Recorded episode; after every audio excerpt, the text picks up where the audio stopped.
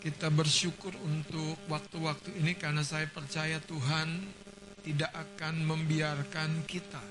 Tuhan tidak akan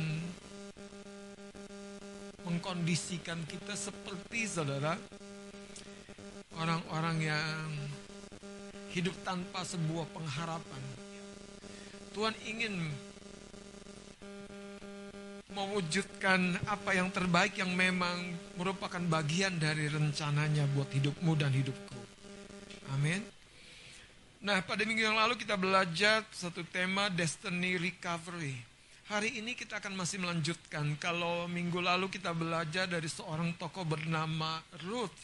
Hari ini kita akan belajar dari seorang tokoh bernama Hana. Kita akan lihat dari 1 Samuel pasal yang kedua. Saudara, Destiny Recovery. Seringkali kita tahu bahwa Tuhan merencanakan yang terbaik buat hidup kita. Tapi bagaimana kita bisa mengalaminya itu itu hal yang yang lain yang kita butuh pengertian akan kehendak Tuhan. Kita butuh hati yang percaya dan menyerah kepada Tuhan. Saudara saya akan baca dari ayat yang ke-20 1 Samuel pasal yang kedua ayat 20 dan 21. Kalau sudah kita dapatkan katakan amin. Saya akan baca ya. Lalu Eli, imam itu di bait Allah, memberkati Elkana dan istrinya. Katanya, Tuhan kiranya memberikan keturunan kepadamu dari perempuan ini. Pengganti yang telah diserahkannya kepada Tuhan. Sesudah itu pulanglah mereka ke tempat kediamannya. Dan Tuhan mengindahkan atau mengingat atau Tuhan peduli kepada Hana sehingga dia mengandung dan melahirkan berapa? Maksudnya sekali lahir. Saya waktu baca ayat ini harus ada ada pertanyaan, saudara. Kenapa catatannya terlalu pendek? Doa berkatnya sekali oleh Imam Eli. Berkatnya saudara berapa? Coba lihat. Hah? Dan Allah memberkati Hana dengan tiga anak laki-laki dan dua anak perempuan lagi. Anda paham? Sekali imam itu memberkati Hana, tapi Alkitab memperpendek sebuah cerita yang panjang untuk membuktikan bahwa Tuhan mau menunjukkan kemurahannya, kekayaan kemurahannya saudara. Amin. Hari ini mari kita berharap dalam cara yang extraordinary. Kenapa? Karena dia Allah yang memang extraordinary. Dia melampaui batasan pikiran kita. Dia melampaui hitung-hitungan matematika kita. Kita ketika kita percaya kepada dia, Yakinlah bahwa dia Allah yang mengganjar, membalas, melampaui jauh daripada apa yang kita tabur bagi pekerjaannya. Saudara, tiap-tiap hidup kita secara pribadi adalah jawaban sebetulnya. Jawaban bagi kebutuhan surga di muka bumi. Tiap-tiap Anda dan saya yang hari ini dalam berbagai problem seperti Hana dalam problem mandulnya adalah jawaban bagi kebutuhan surga di muka bumi. Kenapa saudara? Kita tahu pada masa seperti apa Hana bergumul di bait Allah berdoa meminta anak. Pada masa ketika saudara keimaman Imam Eli mulai surut dia sudah lanjut usia dan anak-anak sang imam tidak hidup seperti papanya. Jadi seperti ada sebuah kekosongan pelayan Tuhan. Seperti ada sebuah kekosongan orang-orang yang hidupnya bagi Tuhan. Entah bagaimana wanita mandul ini yang namanya Hana melihat itu di dalam batinnya. Ini sebabnya ketika dia berdoa pertama kali kepada Tuhan, dia bilang begini, kalau engkau sungguh-sungguh mengingat hambamu ini dan memberikan kepadaku seorang anak laki-laki. Begitu spesifik dia minta. Begitu spesifik dan jelas. Dan tidak berhenti sampai situ. Dia berkata, maka aku akan menyerahkan ia ke rumahmu. Dan terserah padamu Tuhan. Seluruh kehidupannya ada di dalam rencanamu. Saudara ini yang menarik yang saya temukan dari cerita ini. Ketika kita masuk dalam rencana Tuhan, bahkan masuk lebih dalam lagi dalam rencana Tuhan, Anda seperti ada di sebuah arus yang akan mendorong Anda, bahkan seperti arus itu akan membawa Anda dan membackup Anda untuk sampai di tujuan. Tapi waktu Anda keluar dari arus itu, Anda memilih jalan hidupmu sendiri. Anda memilih hidupmu sendiri dengan cita-cita lahiriah, cita-cita kedaginganmu, saudara. Engkau akan bukan ditinggalkan Tuhan sebetulnya, tapi engkau akan kehilangan campur tangan surga di muka bumi. Ketika saudara, wanita mandul ini di bait Allah berdoa minta satu anak laki-laki. Satu anak laki-laki. Tidak ada sebuah perasaan ingin memiliki. Tidak ada sebuah perasaan ingin membanggakan, mempertunjukkan bahwa aku juga bisa. Tidak ada perasaan untuk apa? Show up. Supaya orang tahu. Siapa bilang? Aku tidak berdaya, aku dikutuk. Tidak. Tapi Hana ketika berdoa begitu jelas. Berapa banyak kita minta sesuatu. Kita tahu apa yang Tuhan butuhkan. Tuhan, nyatakan itu melalui hidupku. Berkati aku Tuhan supaya aku bisa melakukan sesuatu bagi komunitasku. Berkati berikan aku hikmat seperti Salomo doa supaya aku bisa menuntun umat Tuhan. Doa bukan karena kebutuhan pribadinya semata, tapi doa untuk kebutuhan. Sebuah kebutuhan yang lebih besar. Dan ketika kita masuk tadi dalam kehendak Allah, ada sebuah arus saudara dari surga yang akan membackup-mu sungguh-sungguh. Engkau akan melihat penyediaan Tuhan, penyediaan Tuhan, dan penyediaan Tuhan. Ini sebabnya saudara, waktu engkau dan saya dalam istilah saya bertransaksi dengan Tuhan, Anda harus ngerti, dia Tuhan, dia Allah. Dia bukan manusia yang bisa lupa, saudara. Bahkan dia membalas kita, mengganjar kita, jauh melampaui apa yang telah kita lakukan. Lihat ayat 20 dan 21. Ini kan ceritanya saudara, setelah sekian tahun setelah sekian tahun, Samuel tumbuh saudara. Mulai tumbuh, mulai tumbuh. Sekalipun kira-kira masih balita. Masih kecil betul anak itu. Dan dibawa oleh mamanya ke bait Allah. Dan mamanya yang membawa ke bait Allah tidak dicatat sebuah obrolan lain dengan sang imam. Tetapi pada pasal kedua, ketika dia menyerahkan, makanya hati-hati saudara, persembahanmu, korban-korban yang kita bawa, itu saudara punya nilai surga dan bumi. Jangan pernah anggap remeh taburan di tanganmu, korban yang kau beri. Jangan pernah anggap remeh dan sepele saudara. Hana dalam ayat ini menarik sekali saudara pada ayat 20. Dikatakan lalu Eli memberkati Elkana dan istrinya. Katanya Tuhan kiranya memberikan keturunan kepadamu dari perempuan ini pengganti yang telah diserahkannya kepada Tuhan. Kata diserahkannya ini saudara bermakna sepertinya saudara Tuhan tuh seperti berhutang karena dia meminjamkan. Hana seperti dalam tanda kutip. Meminjamkan kepada Tuhan. Dan dia terima bunga-bunganya. Dia terima saudara kelimpahannya. Pada masa itu, bayangkan saudara.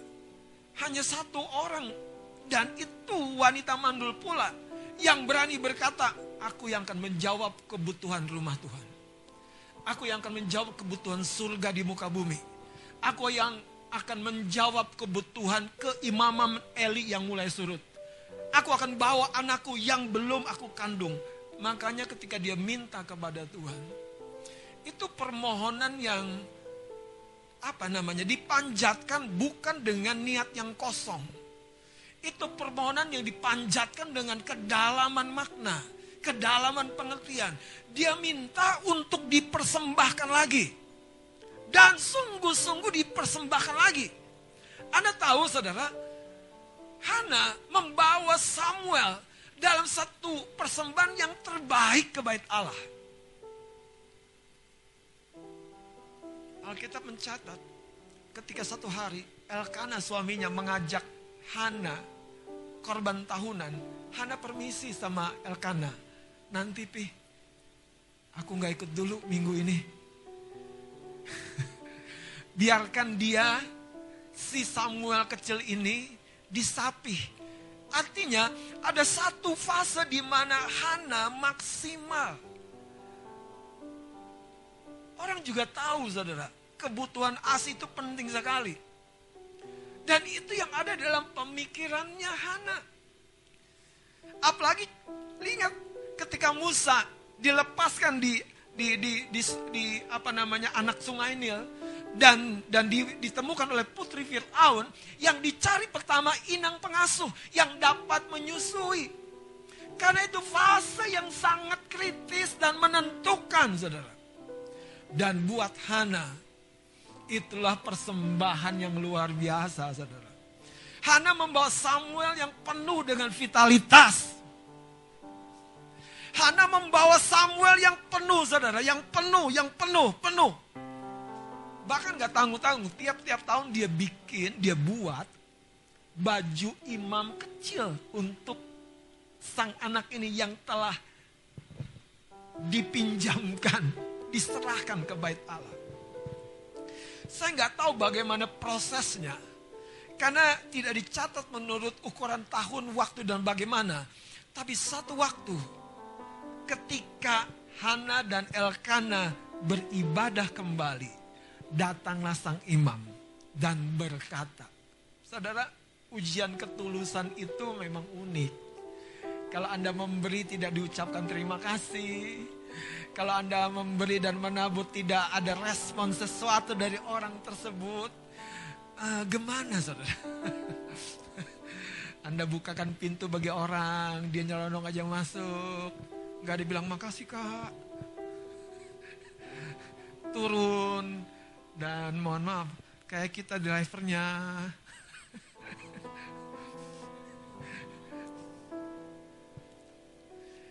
Tapi itu ujian ketulusan. Hana lulus. Hana lulus. Dia ada tidak ada sama sekali tendensi ingin memiliki lagi persembahannya. Yang menarik justru selama tahun-tahun itu dia tetap mengawal Samuel kecil itu menjadi orang yang menggenapi destiny surga di muka bumi. Yaitu menjadi pelayan Tuhan di bait Allah. Nah setelah itu, ini ayatnya, ayat 20. Lalu Eli memberkati Elkana dan istrinya katanya Tuhan kiranya apa? Memberikan keturunan kepadamu dari rahim yang sama ini. Rahim yang sama ini yang setelah Samuel dilahirkan tidak ada atau belum ada tanda-tanda akan hamil lagi. Jadi jangan sepelekan doa berkat. Kadang-kadang saudara, Anda nggak perlu heboh, minta tumpang tangan dan lain sebagainya. Anda hanya percaya apa yang dilepaskan di rumah Tuhan. Engkau terima dengan percaya. Blessing itu akan memproduksi sesuatu di dalam rahim usaha pekerjaanmu. Di dalam rahim pekerjaanmu yang selama ini mungkin mandul itu akan membuahkan sesuatu. Yang menarik saudara dalam ayat ini adalah itu yang tadi saya bilang. Alkitab memperpendek catatannya, betul gak? Ayat yang ke-21, dan Tuhan mengindahkan Hana, sederhana sekali. Sepertinya berkat itu menjadi tanda peringatan. Tuhan, ingatlah anakmu ini. Makanya begini saudara. Persembahan dan korban yang kita bawa itu sebuah pengingat Tuhan. Dan percaya atau tidak, Anda akan mengalami manifestasi seperti yang Hana alami. Dan kalau boleh saya lebih spesifik lagi, dalam cerita ini Hana mempersembahkan yang sulung, yang terbaik, yang pertama-tama, yang teristimewa dari sebuah kegagahan. Kita orang Batak ya, buta galung. Nanti kalau lahir cucu, nama kita nggak disebut lagi Bapak Siano, Opung Siano. Iya kan? Jadi nama kita udah kayak nggak penting lagi. Disebut Bapak Sianu. Kemudian turun lagi, naik lagi. Opung Sianu. yang luar biasa dari cerita Hana, wanita yang apa ya kalau boleh saya bilang gagal, saudara. Gagal, gagal sukses jadi ibu di rumah tangga saya pakai istilah-istilah yang supaya Anda tuh nggak biasa dengernya ya. Tetapi saudara, setelah persembahan yang pertama-tama dan terutama yang sulung itu, bahkan dikawal begitu luar biasa, Tuhan tidak bisa tinggal diam. Tuhan tidak bisa tinggal diam. Dia menggerakkan sang imam yang sama yang sudah lebih lanjut umur, yang sudah lebih lagi nggak bisa lihat. Tapi saudara, manusia di muka bumi hanya saluran. Itu sebabnya ketika imanmu tetap tertuju kepada Tuhan yang mempercayakan otoritas itu, blessing itu tidak akan lari dari kehidupanmu. Katakan amin. ayat yang ke-21 dan Tuhan mengindahkan Hana sehingga dia mengandung. Jadi saudara yang menyebabkan Hana mengandung ternyata karena Tuhan ingat, Tuhan memperdulikan dan melahirkan makanya catatan Alkitab ini menarik melahirkannya bukan satu dua tiga anak laki-laki dan dua anak perempuan lagi lima sekali lahir enggak Cuman Alkitab nyatanya begitu, betul gak? Pertanyaannya kenapa? Ini yang saya tunjukkan. Tuhan mau membuktikan bahwa dia memberkati kita berlimpah. Berlimpah. Berlimpah. Amsal pasal 3. Ingatlah akan Tuhan Allahmu. Muliakanlah Tuhan dengan kekayaanmu dari hasil pertama dan Tuhan akan memberkati berlimpah-limpah. Tiap-tiap engkau dan saya jawaban surga. Matius pasal 6, apa yang Yesus ajarkan kepada murid-muridnya ketika kita berdoa? Katakanlah Bapa kami di surga, dikuduskanlah namamu, datanglah kerajaanmu, jadi kendakmu di kehidupan Om Robert. Gak usah di kehidupan saya. Makanya itu yang saya maksud. Engkau dan saya adalah jawaban surga. Jawaban bagi kebutuhan surga secara personal. Engkau punya dampak. Engkau seperti anak panah yang kalau dilepaskan tidak pernah akan kembali sia-sia akan menghasilkan sesuatu yang hebat dan besar. Saudara, entah engkau dipercaya satu, dua, atau lima talenta, tetapi engkau pasti akan menghasilkan sesuatu.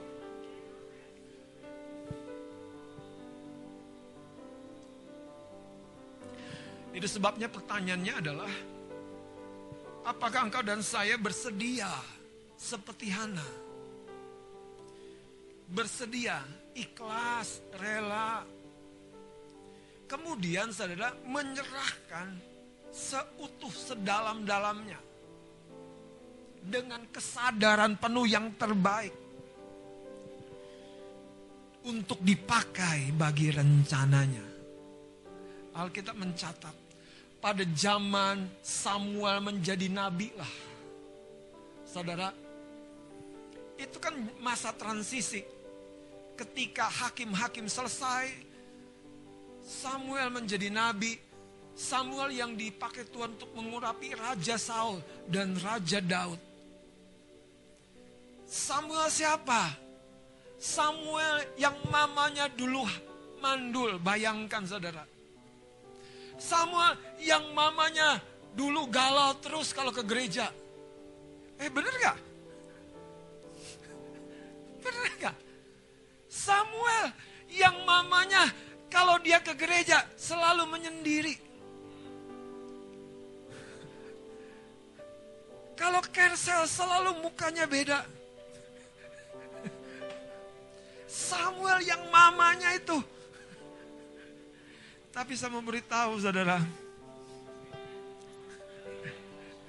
Saya mau beritahu. Dialah Tuhan yang memulihkan destinimu. Amin. Dia memulihkan siapa Hana. Hana itu wanita yang melahirkan orang-orang yang melantik raja-raja. Hana itu rahim yang akan melahirkan nabi besar, saudara, di Israel. Wow, Samuel itu nabi besar, saudara. Gak main-main. Siapa Hana? Yang hidupnya dipulihkan. Bukan hanya mengalami sebuah aib yang dipisahkan, dibersihkan dari hidup Hana tapi blessingnya nggak tanggung-tanggung. Tiga anak laki-laki, dua anak perempuan. Menurut saya saudara, itulah surga, itulah Tuhan. Sampai sebuah contoh lain. Apa yang terjadi dengan perahunya Simon Petrus yang pada pagi itu didatangi oleh sang guru? Apa? Kosong. Kalau engkau ke gereja, engkau usah pikirin dompetmu dulu. Tenang, Tuhan bisa isi kalau hatimu penuh kepada dia. Haleluya.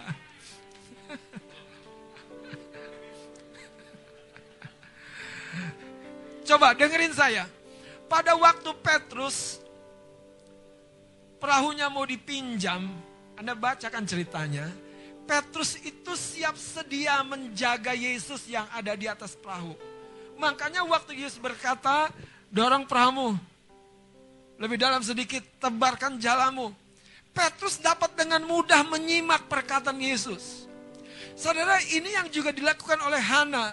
Tidak jauh, tapi siap sedia menjaga sampai semuanya saudara menyatakan hal-hal yang melampaui, melampaui, melampaui. Hari ini saudara, kegagalan sedalam apa pun, kekosongan semenyedihkan apa pun, lihat siapa engkau di depan. Lihat siapa engkau setelah engkau mengalami perjumpaan dengan Tuhan yang mampu menulis ulang cerita hidupmu, memulihkan destiny hidupmu. Engkau bukan wanita yang tidak produktif, kata Alkitab. Engkau bukan laki-laki yang tidak berdaya, kata Alkitab. Masalahnya, kita harus masuk lebih dalam lagi. Masuk lebih dalam lagi. Ketika saya mulai belajar gitar, saudara. Saya belajar gitar dari yang jenisnya beragam.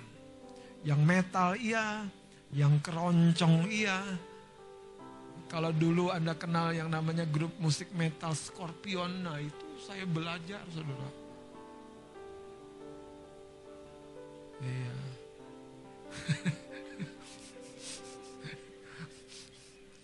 Kalau ada tahu yang namanya grup grup uh, rock metal namanya The Europe, nah itu saya pernah konser, eh, bukan konser, festival, festival. Jadi di, dinilai oleh juri yang saya mau ceritakan dengerin saya gini. Talenta itu Tuhan munculkan perlahan dari usia umur saya bukan umur lah, kelas 4 SD. saya mulai metik dan belajar gitar lagu yang pertama yang paling saya sukai. Malam kudus. Saya terus. Sunyi senyap. Masih saya. Bintangmu baru G7. Cemerlang saya lagi. Cuma gitu aja saudara. Saya belajar lagu klasik, saya belajar lagu country, saya belajar lagu banyak. Sampai satu titik saya tahu Tuhan ingin itu dibawa ke rumah Tuhan. Jadi sebuah persembahan. Dan ketika saya menaruh talenta saya di pekerjaan Tuhan, itu seperti Hana menaruh korbannya. Selesai. Dan saya upayakan yang terbaik. Makanya kekasih-kekasih Tuhan, jangan nanggunglah belajar gitar, belajar musik. Kalau ada waktu, kenapa tidak? Beri yang terbaik. Jadi seperti Hana yang menjaga Samuel kecil sampai tumbuh matang, saudara. Saya bawa hidup saya. Saya penuh roh kudus ketika kelas 2 SMA. Dan sejak itu kerinduan saya yang paling menggebu-gebu adalah yang pertama baca Alkitab. Tidur baca Alkitab, bangun baca Alkitab. Nggak boleh tidur sebelum buka Alkitab. Sambil pakai baju berangkat sekolah kelas 3, baca Alkitab. Mulai lepas sekolah SMA, berangkat kantor. Dulu nggak ada handphone di Alkitab. Nah, baru ngeh kan. Dulu belum ada Alkitab di handphone. Bukan Alkitab di handphone. Eh, handphone di Alkitab. Oh, iya. Jadi saya bawa Alkitab saya yang gede itu saudara. Tapi saya nggak kalah cerdik. Saya bawa lagi yang perjanjian baru yang kecil. Jadi kalau pulang malam harus gelantungan, saya baca yang kecil. Tapi kalau berangkat pagi masih terang, saya baca yang gede. Bukan karena itu jadinya pendeta, bukan. Anda harus tahu saudara itu persembahan, persembahan, persembahan. Dan Tuhan selalu dia tuh tidak pernah akan meleset menghitung. Dan tidak mungkin saudara cacat dalam mengganjar. Dan dia tidak pernah lupa. Manusia bisa lupa. Tapi dia tidak mungkin sama sekali lupa. Itu sebabnya ketika Hana melakukan sesuatu bagi pekerjaannya, bagi rencananya, bahkan Hana masuk lebih dalam lagi dengan setia mengawal. Bahkan Hana terus setia beribadah pada titik di mana ketulusan itu berbuah, saudara. Dia menerima blessingnya pada waktunya.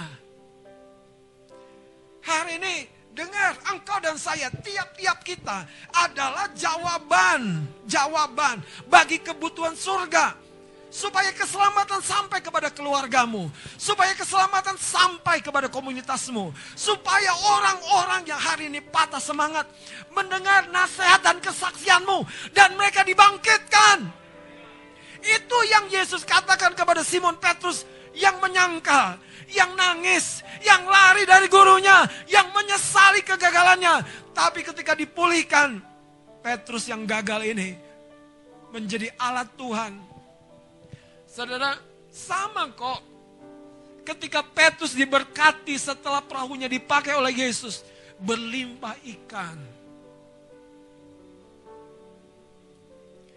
Kalau engkau berada dan tetap bergerak masuk dalam rencana Tuhan. Tidak sekali-kali destinimu, siapa engkau, takdirmu, kehidupan yang Tuhan rencanakan di depan tentang hidupmu akan gagal, akan patah, tidak, tidak akan. Apa yang saya katakan? Seorang seperti Simpson gagal, gagal di tengah jalan. Tapi Tuhan mengasihani dia. Ketika dia berseru dalam kelemahan dan kegagalannya, ketika dia ingat kembali, Tuhan mengkaruniakan apa? Kekuatan yang berlimpah. Siapa Yunus? Ketika dia meninggalkan panggilan Tuhan, dia nabi loh. Tapi ketika dia meninggalkan panggilan Tuhan, dia diamuk badai di laut itu, dilempar ke laut, dimakan, ditelan ikan. Untung gak dikunyah. Kalau dikunyah ikan saya nggak tahu lagi jadinya apa saudara. Bulat-bulat utuh-utuh. Udah gitu di. Bagus pula ikannya navigasinya. Muntahnya dengan navigasi yang pas ke darat ya. Kalau dimuntahkan ke pusaran air, habislah Yunus. Tapi dimuntahkan ke darat. Dan poinnya adalah kenapa itu terjadi? Kenapa pemulihan panggilan Yunus terjadi? Waktu Yunus ingat Tuhan di dalam perut ikan. Nah, yang berikutnya, apa yang sebetulnya saudara yang membuat Hana mengalami semua itu? Poinnya sederhana. Ketika Hana mengingat akan Tuhan dalam hidupnya. Kata mengingat ini kadang-kadang tidak mudah saudara. Karena lebih tepat itu dipakai apa namanya? Acknowledge. Jadi mengingat, mengakui dan memperkatakan. Contoh, kalau engkau diberkati hari ini, engkau sehat hari ini, ingat itu bukan karena kerja kerasmu, karena engkau begini begitu, tapi karena Tuhan yang memberikan kesehatan, kekuatan, kempitan. Nah itu mengaknowledge, jadi mengakui. Nah ketika Hana melakukan itu, Yunus melakukan itu. Bahkan Manasye, raja yang paling menyakiti hati Tuhan, mengaku itu. Pemulihan, recovery terjadi. Saudara.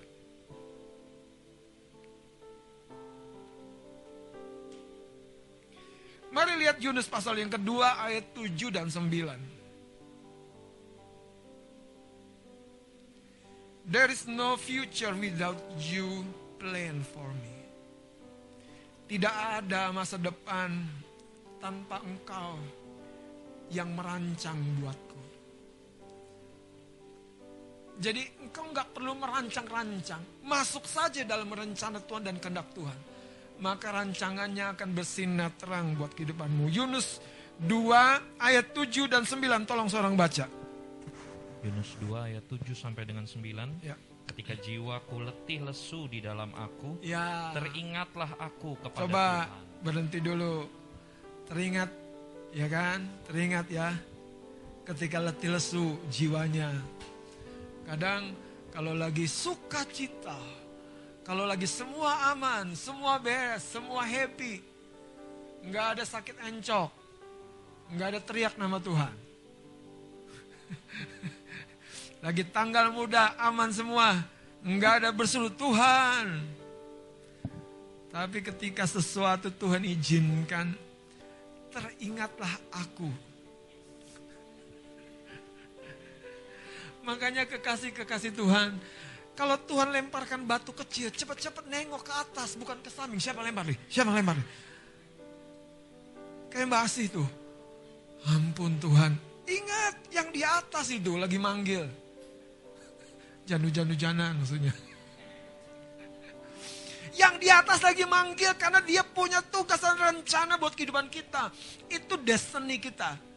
Yang Tuhan mau pulihkan. Lihat ayat 7. Teringatlah aku kepada Tuhan terus. Dan sampailah doaku kepadamu ke dalam baitmu yang kudus. Kayaknya mesra banget, intim banget Yunus. Tapi tahukah engkau, sebelumnya dia membelakangi Tuhan. Tuhan dikasih punggung terus.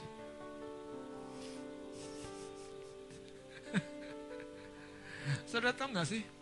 Kalau Anda berkasih kasihan dengan seseorang, Anda kasih punggung, apa rasanya?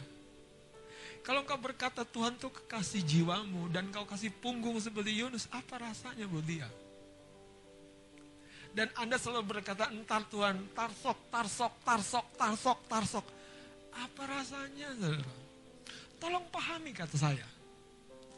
Betapa dia sedih, saudara.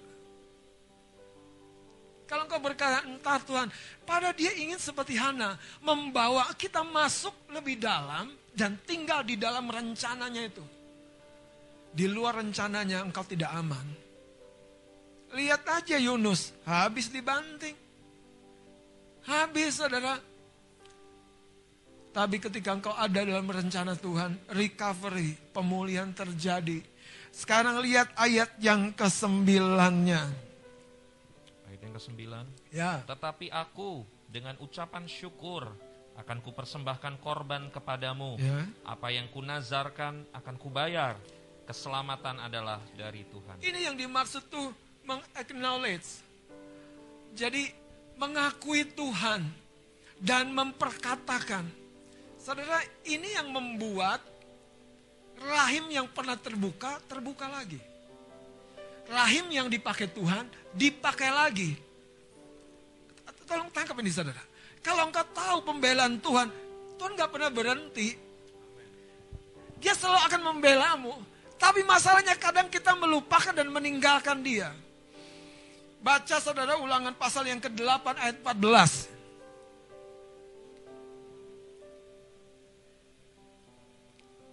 Ulangan 8 ayat ke-14. Ya. Jangan engkau tinggi hati Ya. sehingga engkau melupakan Tuhan Allahmu yang membawa engkau keluar dari tanah Mesir dari rumah perbudakan. Jadi saudara ketika sesuatu dapat membuat hati kita tidak lagi rendah. Apa yang saya maksud tidak lagi rendah? Tadi kita bisa kita merasa bisa merancang masa depan kita. Sekali ini mari katakan tidak ada masa depan kalau bukan Tuhan yang merancangkan. Kalau Tuhan yang merancangkannya, dia akan menyediakan dan memperbuat semua yang dirancangkannya itu menjadi indah. Amin. Saudara, Yusuf menurut saya salah satu tokoh Alkitab yang paling beruntung. Tetapi salah satu tokoh Alkitab yang paling ditindas habis oleh Tuhan. Kenapa? Karena saudara bukan butuh, bukan hanya butuh hanya mimpi. Tuhan akan jadikan aku begini, Tuhan jadikan aku begini, Tuhan akan jadikan pertanyaannya siap enggak engkau dijadikan? Yusuf dipreteli kebanggaannya dengan semua karunia dan mimpi. Dijual oleh keluarganya itu himpitan yang paling menyesakan di batin saudara. Pilihannya, kau bersedia mengampuni total atau kau berkata begini, tunggu nanti, nanti kalau gue udah naik moge, gue balap loh. Sekarang gue bebek lu balap. nanti kalau setir gue udah bulat, gue klakson gede-gede. ya kan bun ya? Tenang saudara. Saya mau beritahu saudara, Tuhan itu betul-betul saudara mengingat engkau dan setia. Makanya tantangannya buat kita seperti ulangan pasal 8 ini. Tinggi hati, mulai merasa aman, mulai merasa bisa kelola semuanya. Dan kita mulai melupakan Tuhan. Sebetulnya sangat sederhana. Ketika kita melupakan Tuhan, indikasi yang pertama, kita melalaikan waktu-waktu teduh kita. Lupa Tuhan itu bukan lupa ingatan.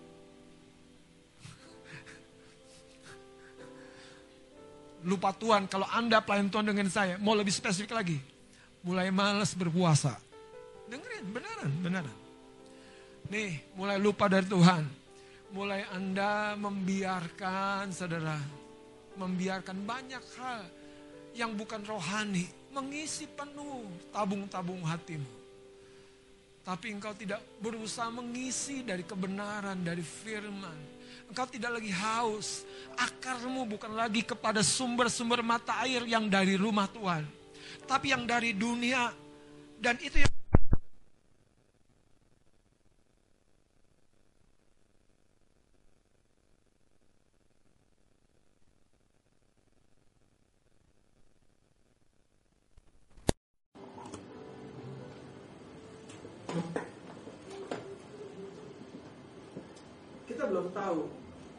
berapa lama lagi kita akan segera pindah dari tempat ini ke gedung yang baru. Tapi dengerin saya, satu hari di rumah keluarga Opung Hutagalu kita ibadah berpanas-panas ria, AC-nya cuma satu.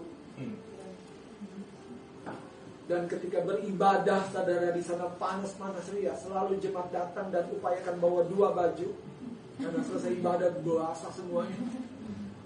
Ada anak Tuhan yang Tuhan pakai itu jadi berkat datang beribadah di sana pula keluar selesai ibadah bilang sama kami sama Tuhan Pak Bu boleh nggak kita pasang AC dan nggak lama saudara demi kebaikan kita bilang ya kita naikkan daya kita pasang AC satu supaya lebih sejuk di rumah keluarga kita ibadah yang kalau pagi harus geser meja, geser bangku. Mental kita tetap humble nggak? Saya selalu bilang gini, ingat satu hari nanti kita ada di gedung di mana jangan karena AC engkau malah ngantuk. Kalau keringat mana mungkin ngantuk.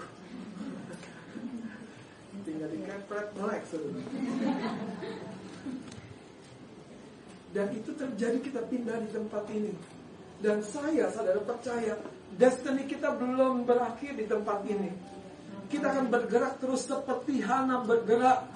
Hana akan menyaksikan kemurahan Tuhan ketika dia terima Samuel. Hana menyaksikan kemurahan Tuhan ketika dia terima anak yang kedua. Hana menyaksikan kemurahan Tuhan ketika dia terima anak yang ketiga. Dia menyaksikan kemurahan lagi saudara, anak yang keempat, kelima, dan berapa anak dia? Ada enam. Menurut saya, saudara, kehidupan Hana adalah sebuah bukti bahwa Tuhan mau memulihkan. Tidak ada yang tidak mungkin, tidak ada yang mustahil bagi dia. Tapi semuanya itu terjadi ketika kita mau seperti Hana menyerah dan bersedia dibentuk, dituntut, dijadikan seperti yang dia mau di dalam rencananya. Hari ini coba tanya ke dalam batinmu, berapa seringnya kita menolak apa yang Tuhan sampaikan, Tuhan katakan, dan kita selalu saudara apa meresponnya dengan kompromi, kompromi, kompromi, kompromi dan kompromi.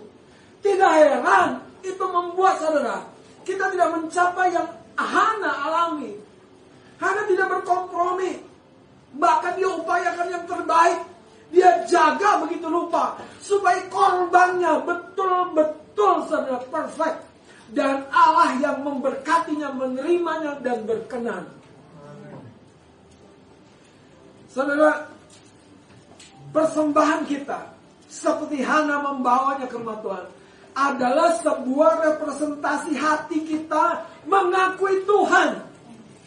Makanya gini saudara, tiap-tiap blessing akui dia sumbernya, maka engkau tidak pernah akan kehilangan alirannya terjadi lagi, terjadi lagi dan terjadi lagi.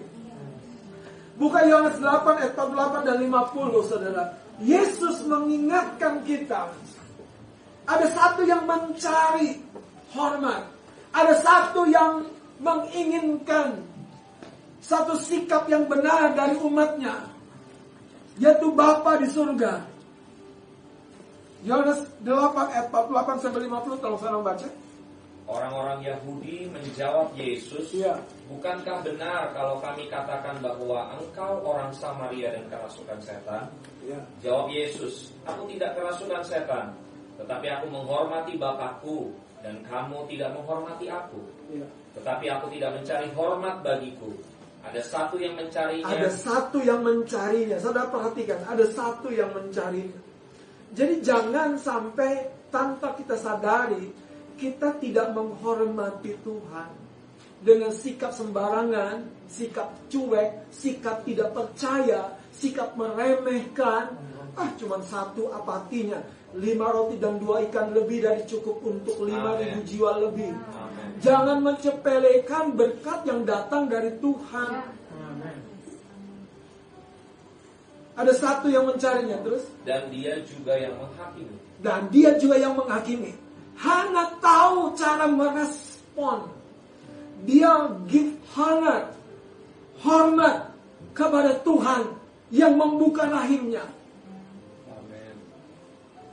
Amsal 3 ayat 6 berkata, Akuilah dia, akuilah dia dalam segala lakumu maka ia akan apa? Meluruskan jalanmu. Saudara tidak ada barikade setan dapat tetap menghalangimu sampai di tujuan, di destinimu. Tidak ada. Itu sebabnya jangan salah dan kau berkata seperti raja yang fasik di dalam Alkitab. Yaitu siapa? Ahab dan anaknya. Ah, celaka ini datangnya dari Tuhan. No. Tuhan tidak memberikan engkau rancangan kecelakaan. Sebaliknya, engkau harus mengakui segala blessingnya yang terbaik. Saya mau tutup dengan cerita kecil saja. Berapa hari yang lalu, saudara kaki kaki saya, jari kelingkingnya kesandung begitu rupa. Kali yang pertama nyeri minta ampun.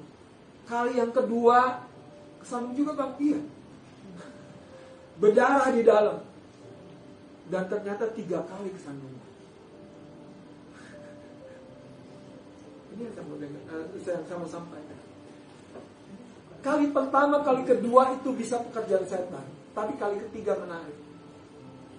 Saya bukan kesandung pakai sendal saya. Itu darah yang di dalam kaki kelingking saya itu pecah keluar. Dan anehnya setelah darahnya pecah keluar dari kaki kelingking saya yang sebelumnya nyeri begitu rupa. Kaki saya yang senut-senut, pulih, sembuh, sehat kembali. Tuhan sering kali mengizinkan luka di hidupmu dan hidupku untuk menyembuhkan. Waktu saya kepentok terakhir dengan sendal saya sendiri, ada Samuel bilang, Samuel, kenapa pak? Ini sampai darahnya. Saya pikir ini masih pekerjaan musuh. Karena jujur saja, kaki kiri saya memang paling sering dihantam musuh. Dari patah kaki, kecelakaan di kaki kiri. Mau berangkat ke mana itu? Ke, ke Ambon kalau tidak salah ketiban pintu lemari, jempol kaki kiri. Dan kemarin kelingking kaki kiri. Tapi yang paling bersuka cita saya tahu Tuhan tidak membiarkan kaki kiri saya yang signifikan dan berharga dan penting ini tidak mencapai destininya saudara. Dia berfungsi dengan baik sampai hari ini Amen. untuk mempermuliakan nama Tuhan. Mari kita bangkit berdiri.